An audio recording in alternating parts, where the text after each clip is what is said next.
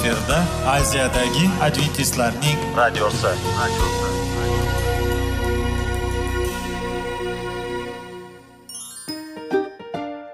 Assalomu alaykum aziz radio tinglovchilar. Sog'liq daqiqasi rubrikasiga xush kelibsiz. Zero tananing sog'lom bo'lishi va uning kasalliklardan saqlash har bir insonning burchi hisoblanadi. Inson uchun bebaho boylik bu sog'liq salomatlikdir. Uni asrash esa har birimizga omonat qilib berilgan. Shuning uchun ham inson o'z sog'lig'ini ehtiyot qilishi voajib amallardan hisoblanadi. Dono xalqimiz sog'liq tuman boylik deb bejiz aytmagan. Aql idroq sohibi bo'lgan inson o'z hayotini qadrlashi lozim bo'ladi. Hozirgi kunda qanchalik dori darmonlar ko'paymasin tibbiy muassa sifati shifokorlar vasiyasi tibbiy texnika yaxshilanmasin. Agar insonning o'z salomatligi haqida qayg'urmasa kutilgan natijaga erishib bo'lmaydi va biz sizlarga bizning dasturimizga xush kelibsiz deymiz.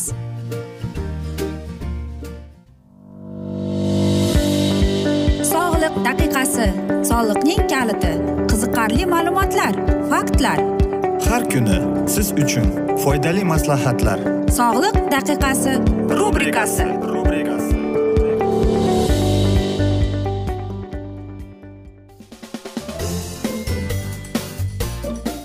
assalomu alaykum aziz radio tinglovchilar. Dasturimizga xush kelibsiz va bugungi bizning dasturimizning mavzusi bu sog'lom ovqatlanish deb nomlanadi va bugungi bizning dasturimizning mavzusi bu nerv sistemasi uchun oziq ovqat deb nomlangan. Va bugungi e, dasturimizni biz shunday deb atadik. Asabiylashmang kasal bo'lasiz deb. Aziz do'stlar bilasizmi? Bizning miyamizga judayam ko'plab ishlaydi. Agar adashmasak to'g'rimi? E, biz o'qiymiz e, ishlaymiz va albatta qarangki olimlar aytadiki bizning miyamizga ham oziq ovqat kerak ekan. Nima deysizmi? Nimaga shunday deysizmi? Agar bizda vitamin b o bir kamayib qolsa aziz do'stlar biz asabiy bo'lib qolamiz ekan.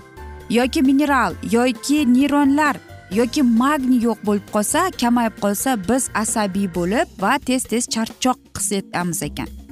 Yoki aytaylikki leonovoy kislotamiz yo'q bo'lib qolsa aziz do'stlar bu ham ko'plab nerv tomir kasalliklariga olib kelar ekan.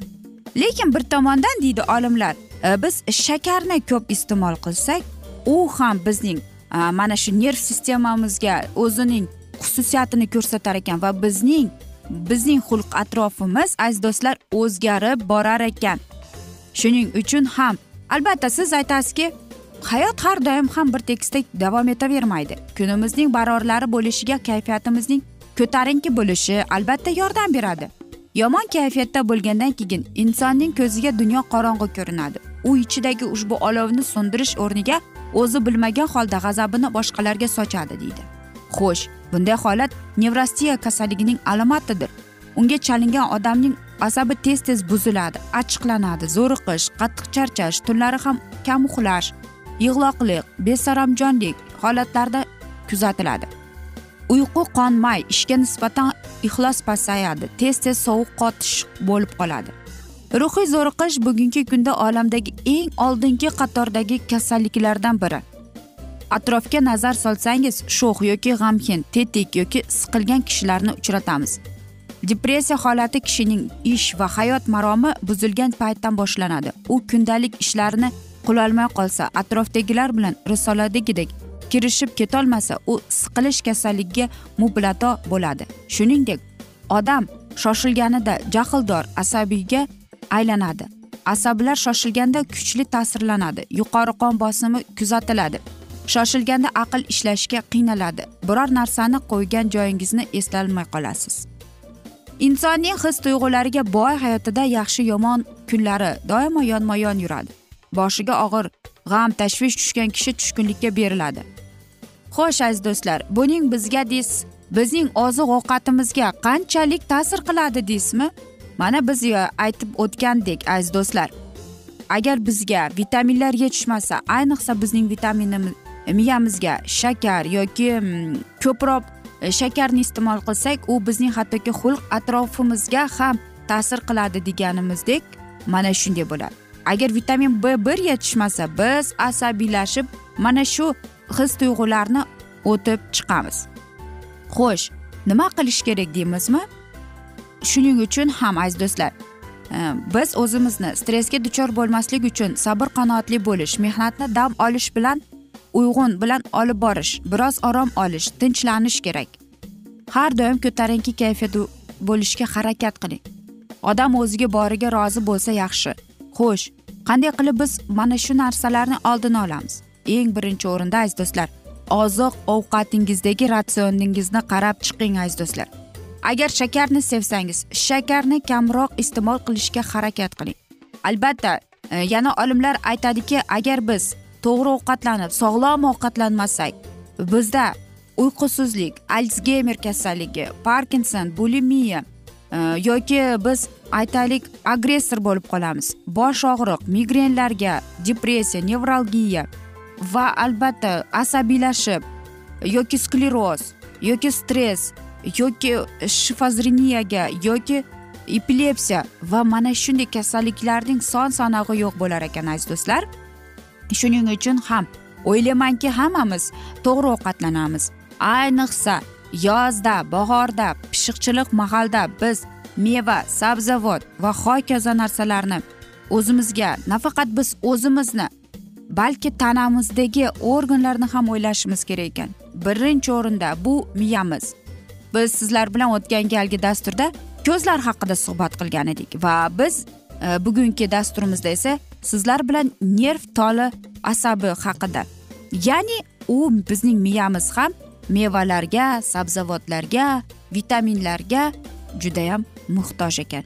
Va siz albatta bilaman e, savol berasiz. Qanday bizga sabzavotlar kerak qanday mevalar kerak? Albatta aziz do'stlar bu to'g'ri savol. Lekin birinchi o'rinda biz o'zimizning kun tartibimizni yeyotgan ovqat e, oziq ovqatimizga ko'z qaratib o'tishimiz kerak. Va shundagina o'zimizning hayotimizni biz rastalab qo'yamiz. Biz esa aziz do'stlar mana shunday asnoda afsuski bugungi dasturimizni yakunlab qolamiz. Chunki vaqt birozgina chetlatilgan afsus. Lekin keyingi dasturlarda albatta mana shu mavzuni yana o'qib eshittiramiz. Va agar sizlarda savollar tug'ilgan bo'lsa biz sizlarni salomat klub internet saytimizga taklif qilib qolamiz aziz do'stlar. Yoki bizga Э, whatsapp raqamli whatsappimiz orqali bizga murojaat etsangiz bo'ladi plyus bir uch yuz bir yetti yuz oltmish oltmish yetmish yana bir bor qaytarib o'taman plyus bir uch yuz bir yetti yuz oltmish oltmish yetmish barcha sizni qiziqtirayotgan savollaringizga javob beramiz deymiz va men umid qilamanki bizni tark etmaysiz deb chunki oldinda bundanda qiziq va foydali dasturlar kutib kelmoqda sizlarni. Biz esa sizlarga va oilangizga tinchlik totuvlik tilab. O'zingizni va yaqinlaringizni ehtiyot qiling deb xayrlashib qolamiz.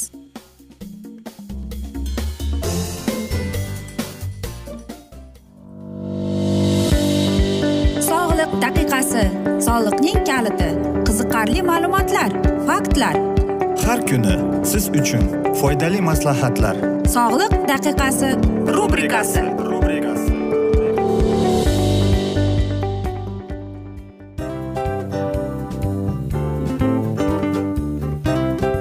mana ha hayotda hamma narsaning yaxshi narsalar tugaydi va yakunlaydi degandek bizning dasturimizga ham yakun keldi. O'ylaymanki bizning dasturimiz sizga foydali bo'ldi deb aziz radio tinglovchimiz. Va siz o'zingiz uchun kerakli xulosalar kerakli maslahatlar olib oldingiz. Aziz radio tinglovchimiz biz bilan qoling va keyingi dasturlarimiz albatta undanda qiziqroq bo'ladi. Mana shu alfozda sizlar bilan xayrlashib qolaman.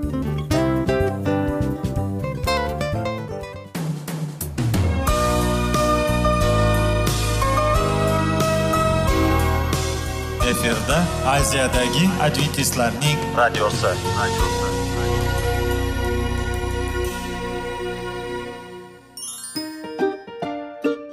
Assalomu alaykum aziz radio tinglovchilarimiz. Dil izhori dasturimizga xush kelibsiz. Pul insonni baxtli qiladimi? Albatta yo'q.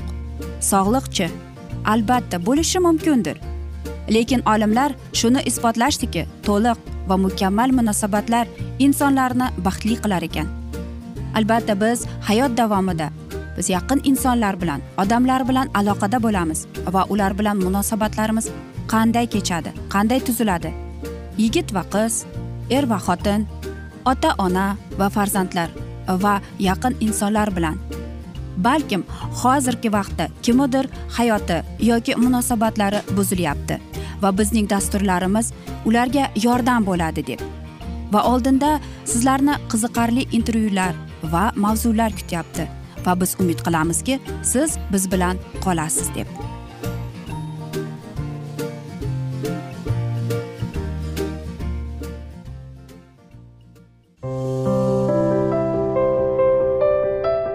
Har kuni har xil kasbdagi odamlar bilan sirlashish va bo'lishish sevgi rashq munosabat. Bularni hammasi dil izhori rubrikasida.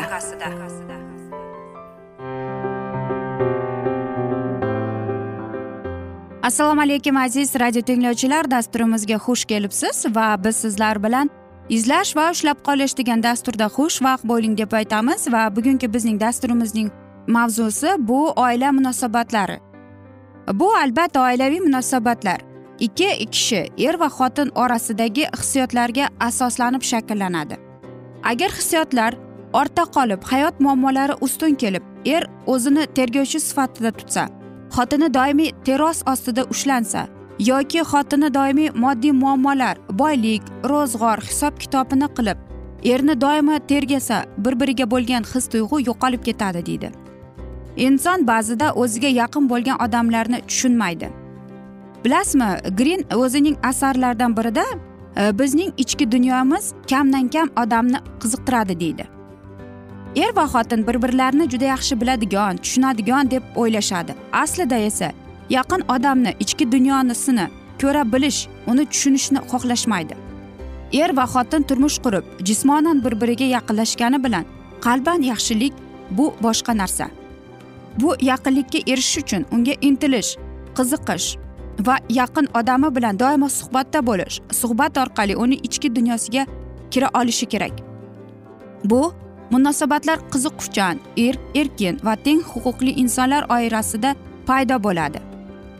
Ularning bir biriga bo'lgan mehrida bir birini xohlashida tushunishida va oilada doimo yaxshi kayfiyat kulgi bo'lishidadir. Munosabatlarning samimiyligiga va turmushingning buzilishiga deydi bir kishini bir e, olimning fikriga quyidagi qo'rquvlar sabab bo'ladi deydi. Men xato qilib qo'yishim mumkin kimgadir qilig'im yoqmasligi mumkin kimdir ustimdan kuladi kimdir meni maqtanchoq deb o'ylaydi u meni yomon deb o'ylaydi biror bir aybim borligini bilib qolishadi u meni tashlab ketadi. Ammo kimki bu fikrlarni o'zidan chetlatsa erkin tutsa va o'z ustidan kulishidan qo'rqmasa munosabatlar osonlashadi. Inson turmush qurishidan oldin bu hayotga o'zining dunyoqarashiga ega bo'ladi. U o'zi uchun aziz va qimmatli narsalarni belgilab qo'yadi. Shuning uchun o'z yonida tushunadigan uning g'ururiga tegmaydigan dunyoqarashi ustidan kulmaydigan ta'na qilmaydigan ko'pincha bir inson bo'lishini istaydi.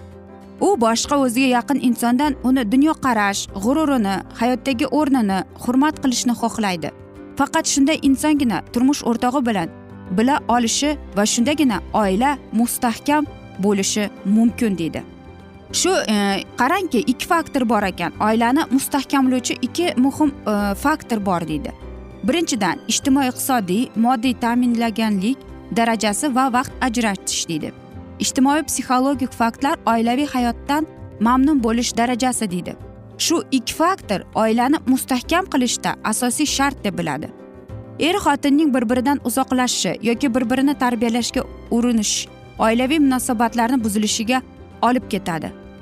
Yoki qarangki yana bir olim kronik bir qator sabablarni ko'rsatib o'tadi. Ulardan boshqa odamlar hayotda aralashishi o'z qadrini bilmaslik bir birining jinsiga xarakteriga to'g'ri kelmaslik. Lekin eng yaxshi yo'l bu qiyinchiliklarni birga yengish. Er qoqilsa xotin tergovchi. Xotin qoqilsa er tergovchi bo'lish oilani saqlashga olib keladi deydi.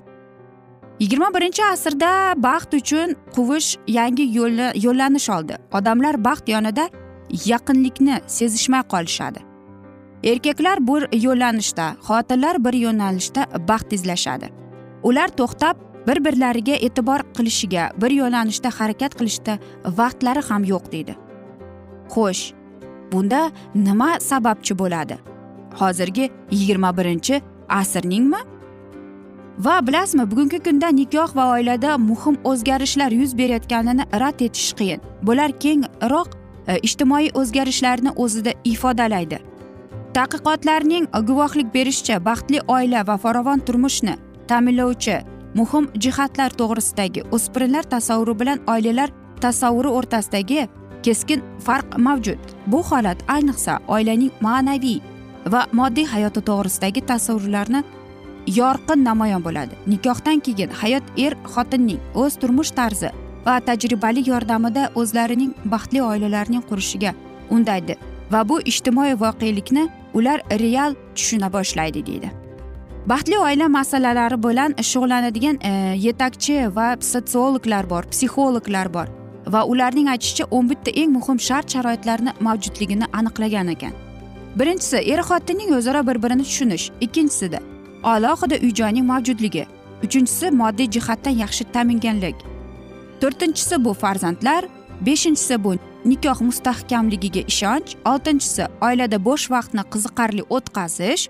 Yettinchisi o'ziga yoqqan ish bilan ta'minlamaganlik sakkizinchisi bu ma'lumotning mosligi. To'qqizinchisi bu ish joyining qulayligi. O'ninchisi yaxshi do'stlarning mavjudligi. Va o'n birinchisi er xotinning erkinligi. Tadqiqot tahlillariga ko'ra qaysi bir oilada ana shunday imkoniyatlar mavjud bo'lsa u oilani baxtli oila deyish mumkin. Uning a'zolari esa baxtiyor va farovon turmush kechirayotganlarnikdan darak beradi deydi. Biz esa aziz do'stlar mana shunday asnoda afsuski bugungi dasturimizni yakunlab qolamiz chunki vaqt birozgina chetlatilgan. Lekin keyingi dasturlarda albatta mana shu mavzuni yana o'qib eshittiramiz. Va agar sizlarda savollar tug'ilgan bo'lsa biz sizlarni plyus bir uch yuz bir yetti yuz oltmish oltmish yetmish plyus bir uch yuz bir yetti yuz oltmish oltmish yetmish bu bizning whatsapp raqamimiz. Va savollaringizni bersangiz albatta biz sizlarga javob beramiz deymiz. Va men umid qilamanki bizni tark etmaysiz deb aziz do'stlar. Chunki oldinda bundanda qiziq va foydali dasturlar kutib kelmoqda.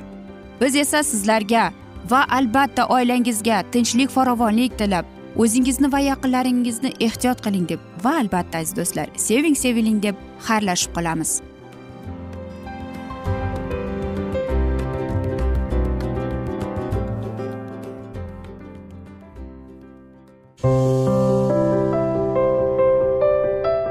Har kuni har xil kasbdagi odamlar bilan sirlashish va bo'lishish sevgi rashq munosabat bularni hammasi dil izhori rubrikasida. Mana aziz radio tinglovchimiz bizning go'zal va foydali va chiroyli dasturimiz yakunlanib bormoqda. Sizlarga birozgina maslahat berib o'tmoqchi edik. Bir biringizni seving qadringizga yeting va erkalang albatta bir biringizni va sizga judayam chiroyli va mustahkam munosabatlar tilab qolamiz albatta. Sevgilingiz doimo yoningizda bo'lsin. Mana shu borada sizlar bilan xayrlashib qolamiz. Xayr.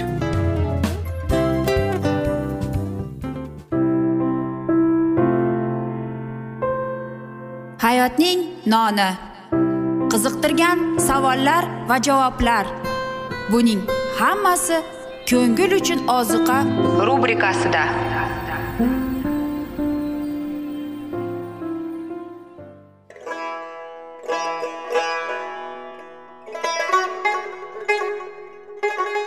Assalomu alaykum aziz radio tinglovchilarimiz. Ko'ngil uchun oziqa rubrikasida xush kelibsiz deymiz. Siz haqiqatni izlayapsizmi? Olamnimi? Umidnimi? Siz kimga murojaat qilmoqchisiz? Odamlar ko'pincha siyosat kuchiga tayanadilar. Dunyo iqtisodiyoti holati tobora chuqurlashib bormoqda. Tabiiy ofatlar va texnogen halokatlar minglab insonlarning hayotini olib ketib juda katta zarar yetkazmoqda. Sizga abadiy hayot inomini hadya qiluvchi va hayotingizni tubdan o'zgartiruvchi haqiqatni izlab toping. Xudo haqidagi haqiqat uning kalomida mujassamlashgan. Kimki bu haqiqatni butun qalbi bilan izlasa albatta unga yetishadi. Bu sevgi xudoning tarixidir. Hayotingizda yoki sizning yon atrofingizdagi olamda nimalar yuz berishidan qat'iy nazar? Siz ertagi kunga buyuk umid va ishonch hosil qilishingiz mumkin. Hozirda xudo sizga taklif qilayotgan umid ishonchga o'z qalbingizni oching va sizni qiziqtirayotgan mavzularni savollaringizga javoblaringizni topib olasiz deb umid qilamiz. Biz bilan qoling.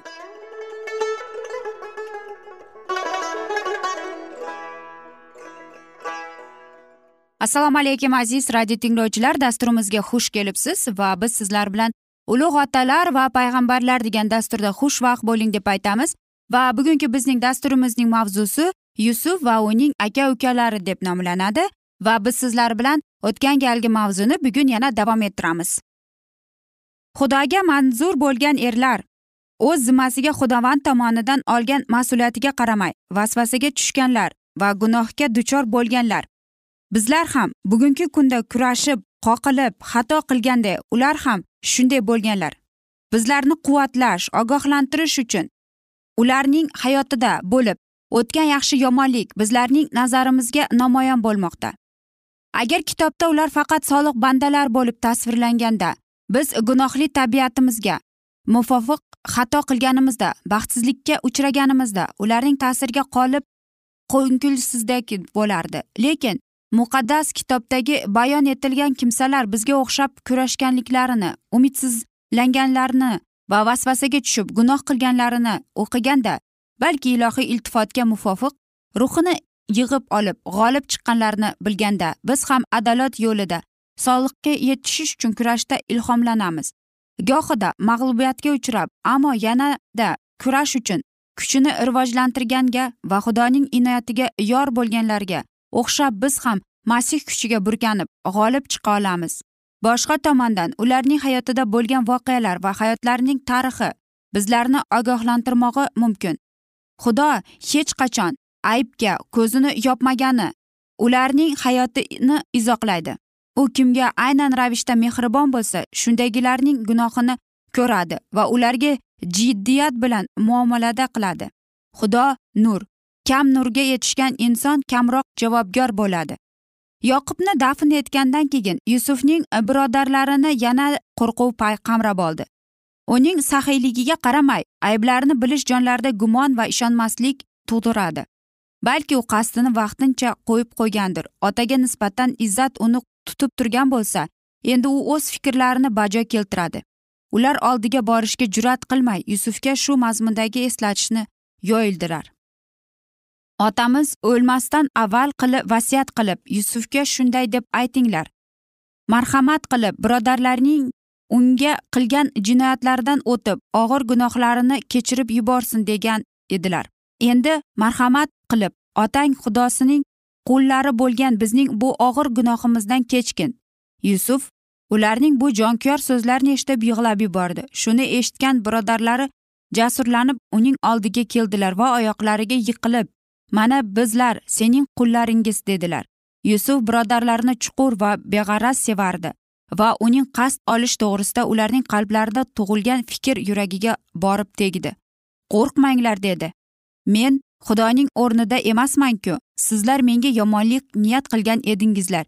Lekin xudo buni yaxshi niyatga aylantirib yubordi. Mana hozir ko'rayotganimizdek u shu yo'sinda ancha xalqining hayotini asradi. Endi qo'rqmanglar. Men sizlarning va bolalaringizning tashvishini qilaman. Ularga shunday deb dalda berib ularning xotirini jam qildi. Yusufning hayoti masih hayotining ramzidir. Aka ukalarning hasadgo'yligi yusufni qo'llikka sochishga itardi. Shuning bilan ular yusufning yuksalishini to'smoqchi bo'ldilar va u misrga olib ketilgandan keyin ular umidlarida uni tushlari ularni boshqa bezovta qilmaydi chunki ular yuzaga chiqish uchun qanday imkoniyat yo'q qilindi deb o'zlarini aldadilar. Lekin xudovand ularning taqdirlarini shunday qilib yo'llantirdiki ular o'zlari xalaqit bergan ishni o'zlari bajo keltirdilar. Eslang yahudiy ruhoniylar va otalar masihga rashk qilardi va xalqning butun e'tibori unga jalb qilinishga qo'rqardilar. Unga podshoh bo'lishiga xalaqit berish uchun ular uni o'limga xiyonat qildilar lekin xuddi shuning orqali to'sishga intilganlari yuzaga chiqdi. Yusuf misrga qul bo'lib sotildi va otasi oilasining xaloskori bo'ldi lekin bundan birodarlarning aybi kamaymadi. Masihning xochga mixlab dushmanlar uni insoniyatning xaloskori qo'llagan qavmning najotkori butun dunyoning egasi qilsalar ham xudovandning sha'niga va insoniyatning muvaffaqiyati uchun ilohiy dastavval bilish butun voqealarni olib borgan bo'lsa ham lekin uni o'ldirilgan qotillarning jinoyati to abad dahshatli qolur. Birodarlari yusufni majusiylarga sotganidek masih ham shogirdlarining biridan uning yovuz dushmanlarining qo'liga xiyonat qilindi. Yusufni yolg'on aybdor qilib zindonga tashladilar. Chunki u benuqson qoldi. Masihdan nafratlanib uni tark etdilar. Chunki u adolatli edi va uning o'zidan kechib yashashi gunohni fosh qilardi. Uni hech bir aybi bo'lmasa ham lekin soxta shohidlar orqali unga hukm chiqarildi. Yusufga nisbatan rahm shafqatsiz muomalaga bo'lganda uning sabr toqati bag'rdosh birodarlariga bo'lgan uning oliy hikmatligini kechirishi va ne'matlari najotkorimizning ramzidir. U ham badikorlar g'azabiga va nafratiga shikoyat qilmay chidadi u faqat o'z qotillariginaga emas balki uning huzuriga kelib gunohlarini e'tirof etganini va undan kechirim kutgan har bir insonni kechirdi. Aziz do'stlar mana shunday ajoyib yusufning e, bo'lgan bizga hikoyasi. Lekin e, ming afsuski dasturimizning vaqti birozgina chetlatilgan lekin keyingi dasturlarda albatta mana shuni yana davom ettiramiz. Va o'ylaymanki e, sizlarda savollar bor. Agar shunday bo'lsa biz sizlarni plyus bir uch yuz bir yetti yuz oltmish oltmish yetmish plyus bir yetti yuz oltmish oltmish yetmish. Bu bizning whatsapp raqamimiz. Barcha savollaringizni berishingiz mumkin murojaat etishingiz mumkin biz beramiz. Albatta va men umid qilamanki bizni tark etmaysiz deb chunki oldinda bundanda qiziq bundanda foydali dasturlar kutib kelmoqda sizlarni. Biz esa sizlarga va oilangizga tinchlik totuvlik xotirjamlik tilagan holda o'zingizni va yaqinlaringizni ehtiyot qiling deb xayrlashib qolamiz.